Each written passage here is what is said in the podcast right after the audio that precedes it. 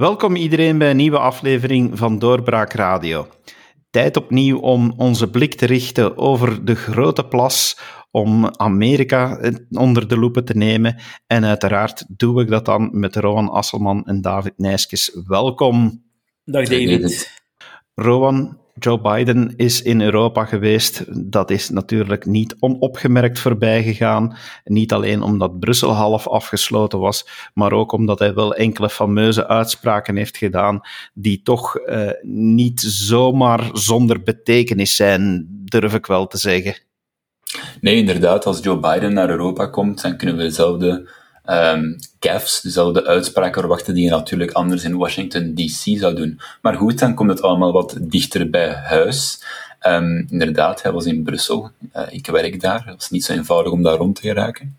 Um, dus ja, fysiek was het al uh, onmogelijk om uh, de aanwezigheid van de president te missen.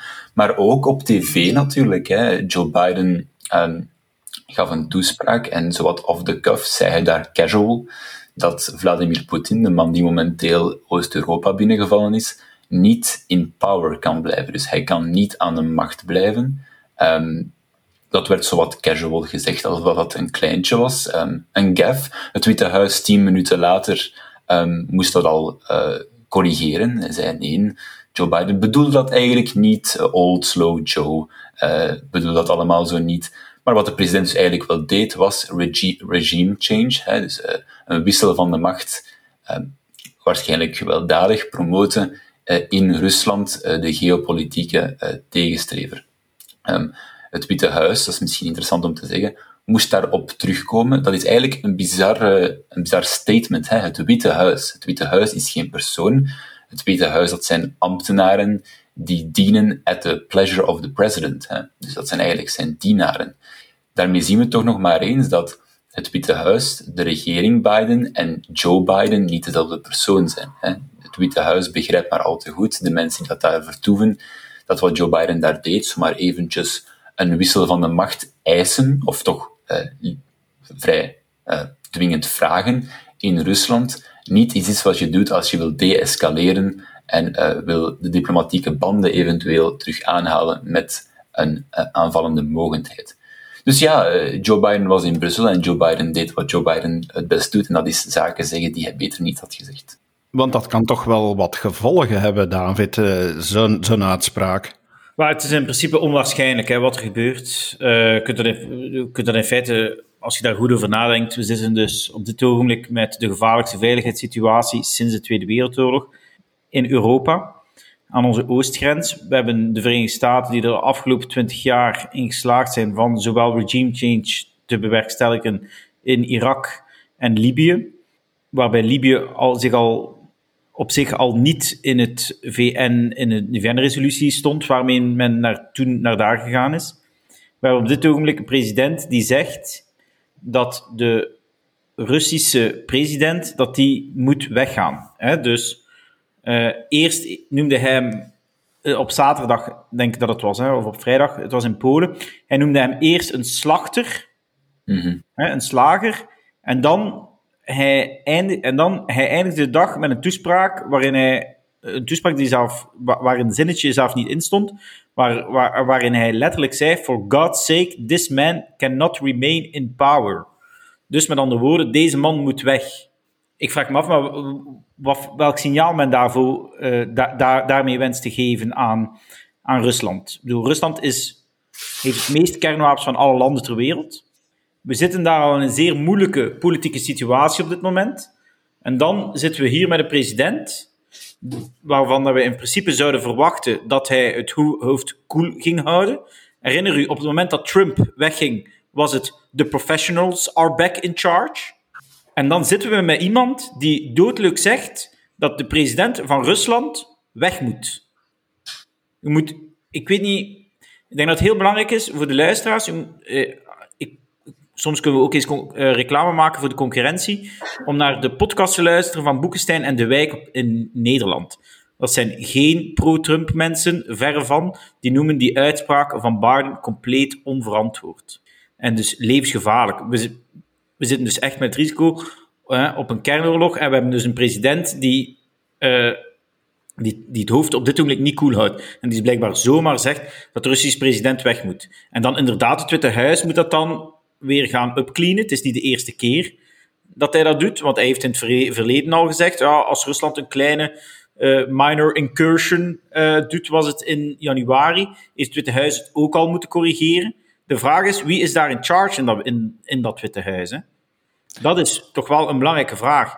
En, wat, en de enige vraag die volgens mij nog niet gesteld is, en dat is, moet Joe Biden aftreden?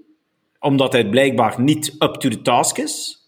De enige reden waarom dat die vraag niet gesteld wordt, is omdat men weet dat met Kamala Harris, dat men totaal geen idee heeft waar dat die uh, mee bezig is. Dus met andere woorden, als je kijkt, herinner u Trump. Wat Trump, de, de koppen in het nieuws die er geweest zijn op het moment dat Trump met Kim Jong-un uh, aan het verbaal aan het vechten was, hè, met Fire and Fury. Herinner u die koppen in het nieuws? En herinner u en dan moet je eens kijken naar de koppen die we vandaag zien, gezien hebben in het nieuws. Terwijl dat dit, terwijl Noord-Korea 15.000 kilometer weg van hier ligt, hè, zitten we hier met iets dat aan ons achterdeur zit, met een enorme, met een enorme kernmacht. En dan hebben we zomaar iemand die zit te zeggen van, ja, die vent moet weg. Het viel mij inderdaad ook op dat de mainstream media uh, daar, daar toch weer zo onmiddellijk iets op hadden om, om dat te vergoeilijken, om, uh, om te zeggen, zelfs hier in eigen land heb ik al commentatoren uh, zien schrijven dat het eigenlijk maar goed is dat Joe Biden in het Witte Huis zit, zelfs na deze uitspraak. Het is onwaarschijnlijk, David. Het getuigt van. Uh, ik, ik weet zelf om duur niet meer zeggen waarvan het getuigt. Het getuigt in elk geval van mij voor een compleet gebrek aan verantwoordelijkheid aan verantwoordelijkheidszin. Want ik vind het, ik vind het sowieso zeer vreemd. Ik zal het zo zeggen. Ik denk, ik denk dat dat iets te maken heeft met. Er is een soort van fetish, fetish voor ervaring, denk ik, bij veel, bij veel uh, watchers, bij veel commentatoren. Als je een cv kan voorleggen waar in theorie, waar jaren ervaring op staan, uh, opstaat binnen bepaalde comité's, in bepaalde regeringen, in parlementen. En je kan er dan nog een soort van competent gezicht opplakken. Hè, Joe Biden is weinig, goh, is weinig, ja, hij is oud, hij begint wat seniel te worden, maar chaotisch kan je hem nu moeilijk noemen, toch niet op de manier dat Donald Trump dat was. Dus ik denk dat er gewoon heel veel mensen zo lang verteld werd dat Joe Biden is een professional, Joe Biden is competent, Joe Biden heeft ervaring. En wanneer de realiteit nu niet blijkt te stroken met heel dat riedeltje, zijn er gewoon, is er gewoon die cognitive dissonance is gewoon zo groot dat mensen weigeren dat te erkennen. Hè. Ze gaan enkel nog, ze gaan alle, al het bewijs dat, dat aantoont dat Joe Biden de touwtjes niet in handen heeft, hij ze ook niet alle vijf meer op een rijtje heeft, uh, gaan zij gewoon aan de kant vegen. Want ja, Joe Biden heeft toch ervaring. Joe Biden, die weet toch wat hij doet? Niet. Het zijn inderdaad maar negen woordjes en dan gaan sommigen het woord maar benadrukken, maar het is en blijft toch wel een hele gevaarlijke uitspraak. Ik zelf heb dan onmiddellijk het gevoel van, oei, nu heeft hij eigenlijk Poetin gelegitimeerd in zijn aanval op Oekraïne, want het Kremlin kan nu zeggen, zie je wel, ze willen zich moeien met Rusland, ze willen hier de boel komen overhoop zetten. Maar, maar, maar, David, je kan zeer zeker zijn, hè? ik ben ervan overtuigd dat de Russische media dit gewoon in de loop gezet hebben. Hè? Ze hebben dit gewoon in de loop gezet. Hè? Die journalisten hebben gewoon overuren geklopt. Hè? En ze hebben deze keer zelf geen desinformatie moeten brengen. Want dat is gewoon de waarheid. Dat is gewoon de waarheid. De Amerikaanse president heeft gezegd dat de leider van Rusland weg moet. Dat is in de Koude Oorlog nooit gebeurd. In de Koude Oorlog nooit gebeurd. Ja, een kat in het nauw die maakt rare sprongen. Hè. Er zijn heel veel angst dat als, als Poetin geen off-ramp wordt geboden, hè, want uiteindelijk er gaat een soort van oplossing voor dit conflict moeten komen.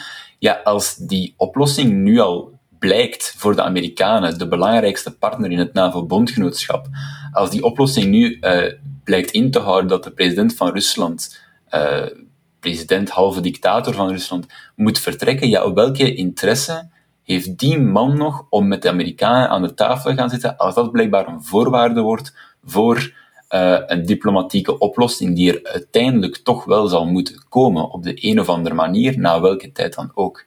Ja, exact, en we hebben dus absoluut nood aan de-escalatie. De situatie moet gedeescaleerd worden. En, we hebben, en er moet, men moet stoppen met olie op het vuur te gooien, want het is echt, is echt belangrijk. Hè? En ik raad echt de mensen aan, uh, de podcast met, uh, van Boekzijner Rob de Wijk. Uh, Rob de Wijk is een zeer intelligent man, ook al bij ter zaken geweest. Men, man zegt zeer intelligente zaken. Ik bedoel, we moeten echt opletten dat dit geen groter conflict wordt. Hè? En op dit ogenblik heb ik niet de indruk dat Joe Biden daar echt mee bezig is. En dat is volgens mij problematisch. Je zegt daar geen groter conflict maken, eh, totaal mee eens. Maar ik blijf me dan de vraag stellen: heeft Joe Biden hier echt weer eens dom geweest en is het de zoveelste keer een bewijs dat hij de, de job niet aan kan? Of zit hier meer achter? Zit hier een verborgen agenda achter?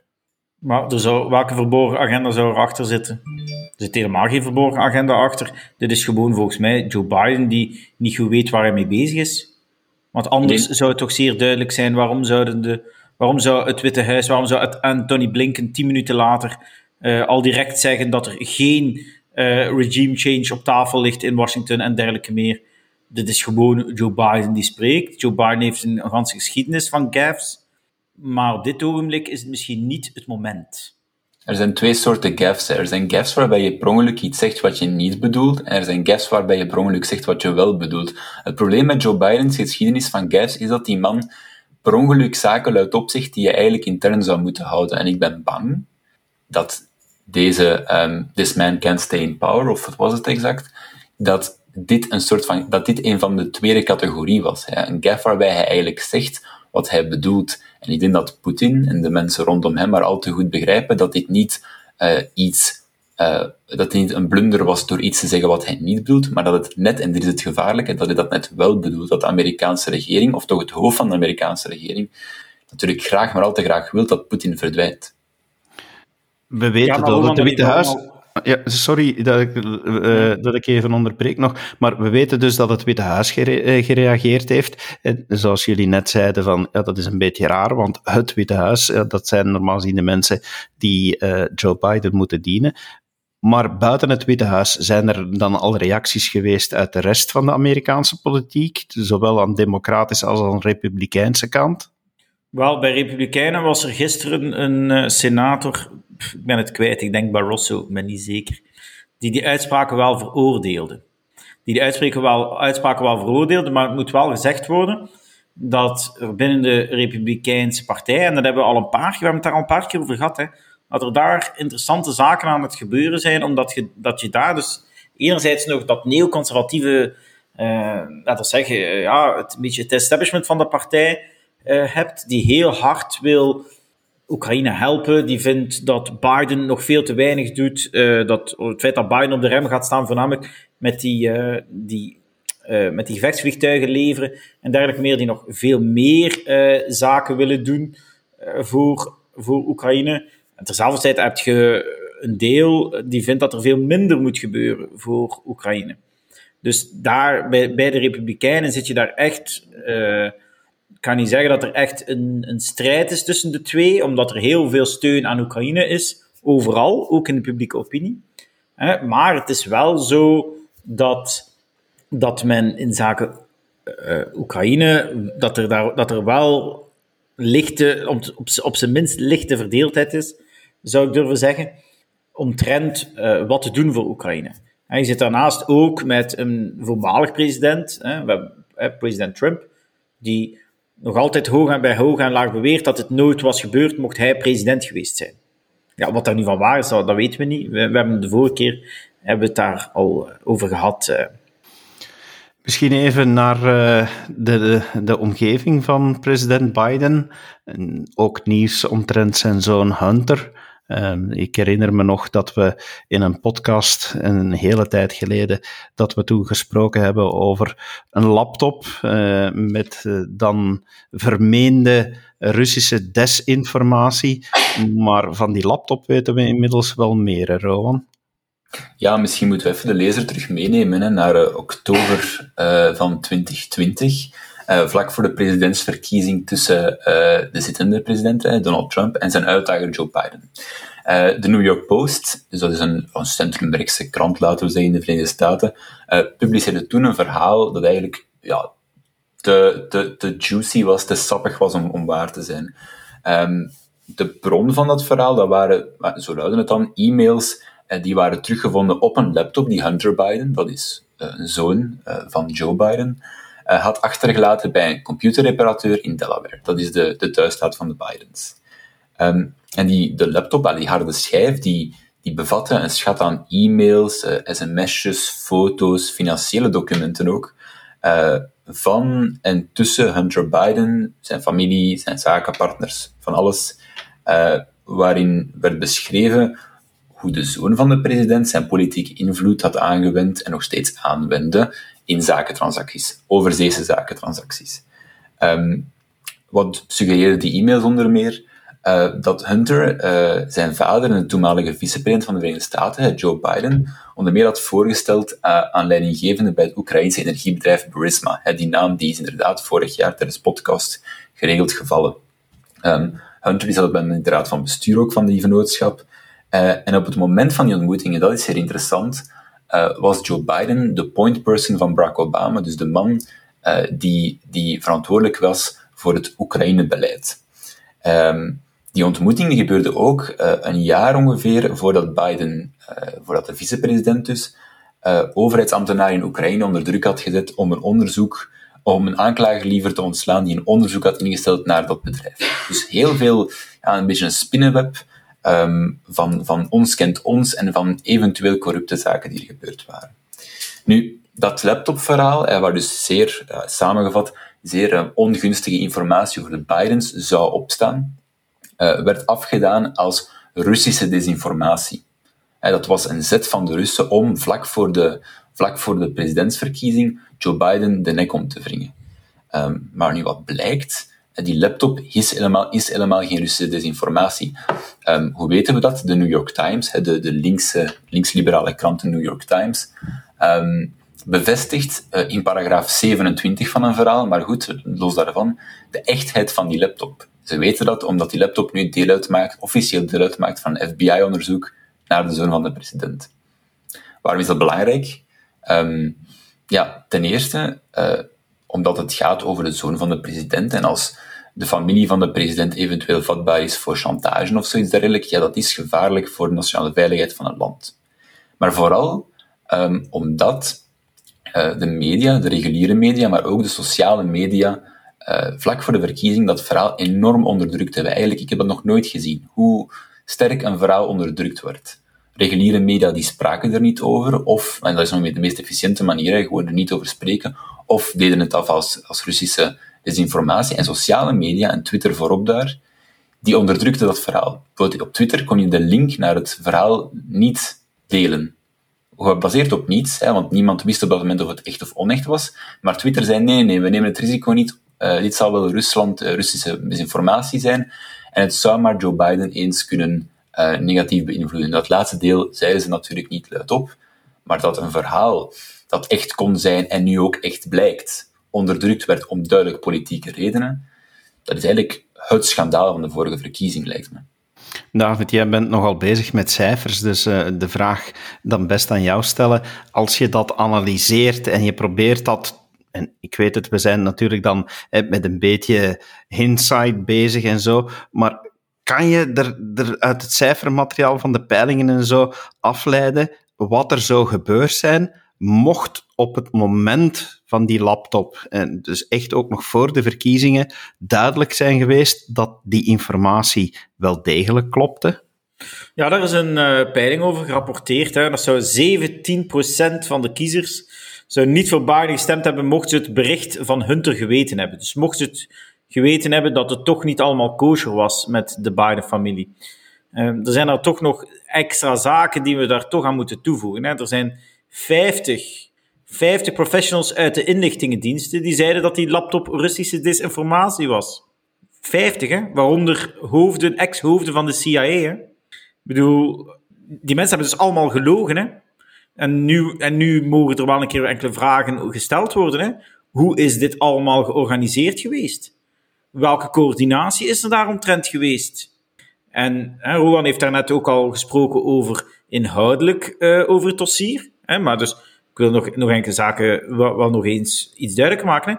Pay-to-play in Oekraïne. Hunter kreeg 50.000 dollar per maand. Waarvoor? Hè, toegang tot zijn vader. Hè? Er is ook het verhaal van het Chinees mijnbedrijf uh, dat een kobaltmijn in Congo uh, wil kopen.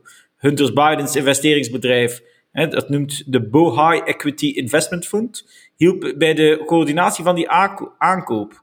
Hunter Biden richtte twee weken, richtte dat bedrijf twee weken later op, nadat hij op reis was geweest met zijn vader op Air Force Two, dus met de vicepresident, op reis naar China. we hebben daar het interview met uh, uh, Tony Bobulinski, de zakenpartner. Die zei dat er moest betaald worden aan de big guy. Wat, hoe zit het met die 3,5 miljoen dollar die de, uh, burgemeester, de vrouw van de burgemeester van Moskou aan Hunter Biden zou gegeven hebben? Hoe zit het met het ontslag van die Oekraïnse aanklager, waar Rowan het daarnet over had? er was al geweten dat er bij buitenlandse zaken vragen gesteld werd rond de handel en wandel van Hunter Biden. Waarom heeft Joe niet gereageerd? En nu zeer interessant, er zou blijkbaar ook nog een tweede laptop ergens zijn. In handen van de Russen. Die Hunter zou verloren zijn toen hij bezig was met prostitutie en cocaïne in Los Angeles. Want de man heeft zeer zwaar geleefd in zijn leven. Ik wil maar zeggen, er zijn nog zoveel vragen die we kunnen stellen. De New York Times is er vaak snel bij om zaken te brengen. De vraag is, wat gaat er nog komen? Er zouden zomaar nog echte beschuldigingen kunnen gaan naar, uh, tegen Hunter.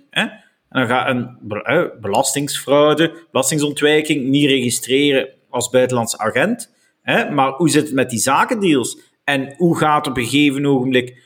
Uh, komt misschien Joe Biden in zicht? Hè? Het zou natuurlijk ook kunnen dat de New York Times zich leent om het dossier te gaan begraven hè?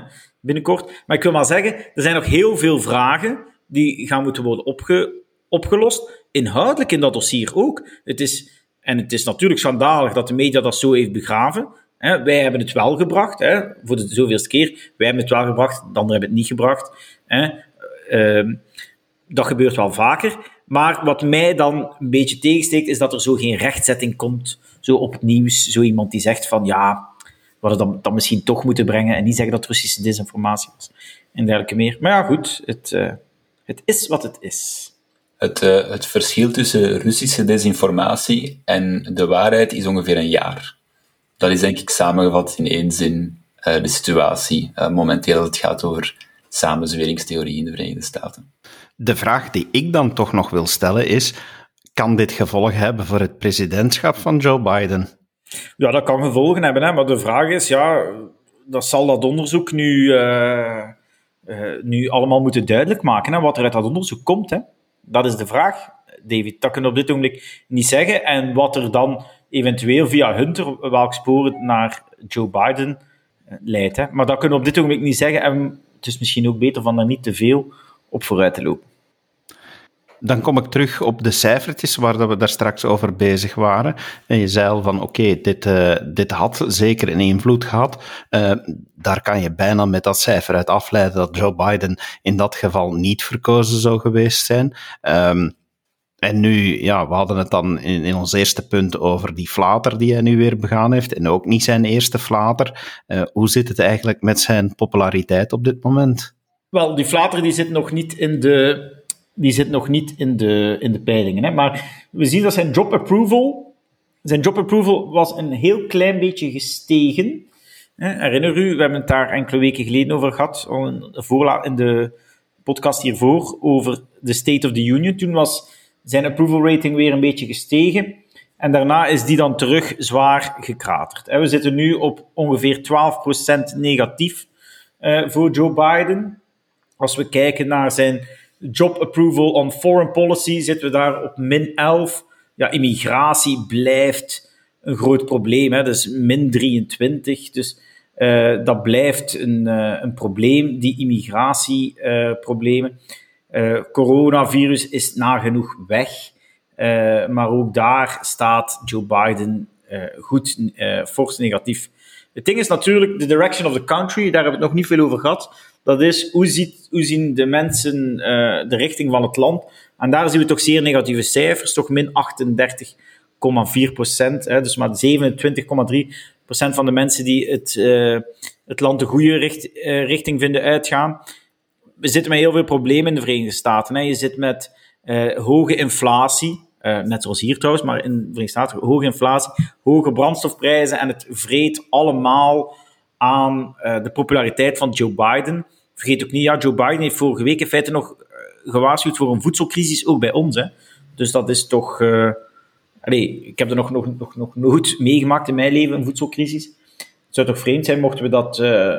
Dat zijn allemaal zaken waarvan dat we dachten dat we dat nooit meer gingen meemaken. Misschien één opmerkelijk punt, dat is nog de favorability. Je hebt naast goedkeuring van het beleid, heb je ook de manier waarop de mensen worden gepercipieerd door de bevolking. En daar zit Biden toch op min 9, dat is toch weer iets beter misschien is dat toch een beetje welling to the flag. Maar zeer opvallend, uh, Trump is daar opeens naar maar min 6 gegaan. Uh, was een zeer interessante peiling waar opeens 20%, één, een outlier, 20% van de mensen opeens een favorable view van Trump had. En over de favorability van Kamala Harris, daar kunnen we zeer kort in zijn, die is zeer laag. Zijn er ook cijfers over het uh, Amerikaanse beleid omtrent de crisis in Oekraïne, omtrent de oorlog daar?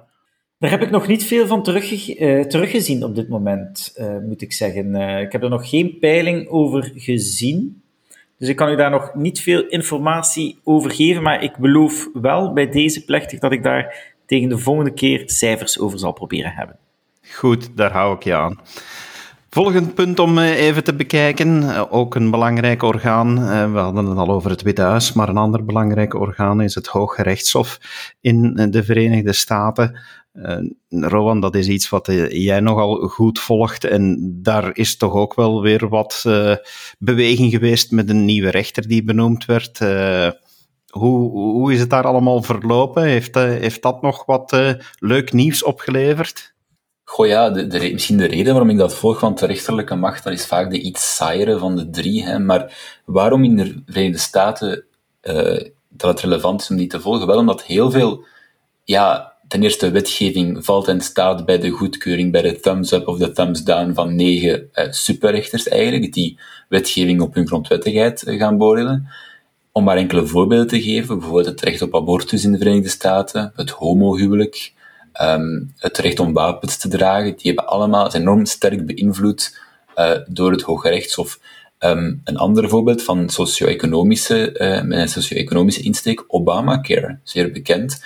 Een, een, belangrijk luik, het individueel mandaat om daar een gezondheidszorgverzekering uh, te nemen. Dat was bijna vernietigd geweest door het grondwettelijk hof, allee, door het Hoogrechtshof, de Supreme Court. Maar inderdaad, uh, daar is een nieuwe rechter, of daar gaat zo meteen, misschien tegen dat de podcast uitkomt, is ze benoemd, maar daar gaat ze benoemd worden. Uh, Ketanji Brown Jackson, dat is een historische benoeming, uh, omdat het gaat om de eerste zwarte vrouw die plaats zal nemen op de bench.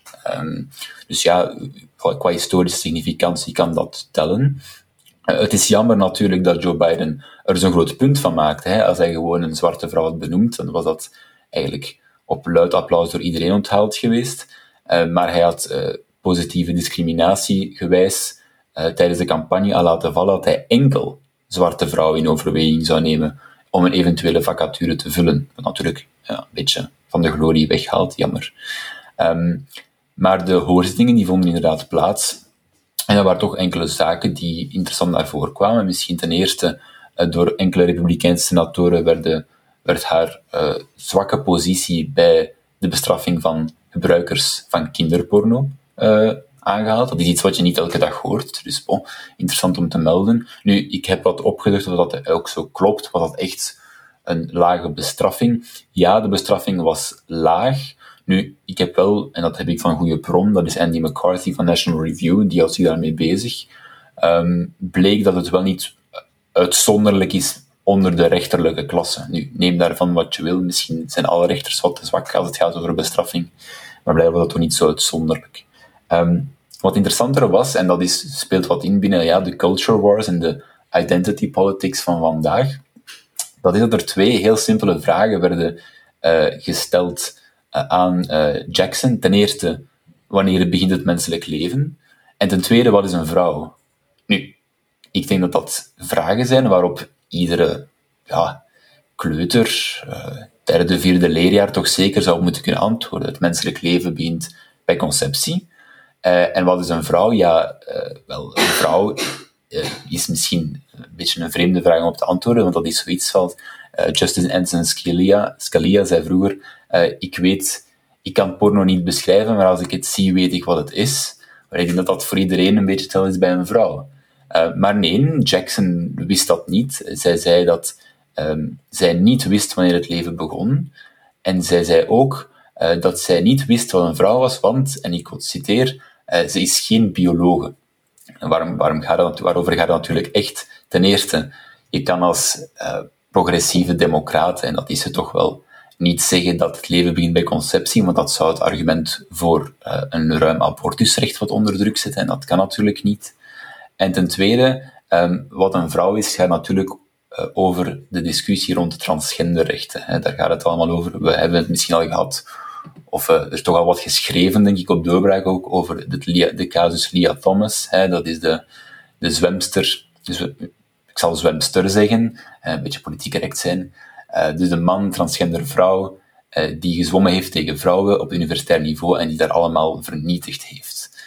Um, dus dat zijn zo van die zaken. Wat is een vrouw? Wanneer begint het menselijk leven? Dat kan je tegenwoordig het normale antwoord niet meer opgeven. Of toch het biologische antwoord niet meer opgeven. Dus dat was interessant, want dan krijg je vragen op de senaatsvloer. Hè, de most deliberative body, een van de oudste wetgevende vergaderingen wat is een vrouw en wanneer begint het menselijk leven? En dan krijg je er antwoorden die gaan dan de officiële notulen in van die vergadering als ik weet het niet. Van een hoge rechter zou je toch denk ik beter mogen verwachten.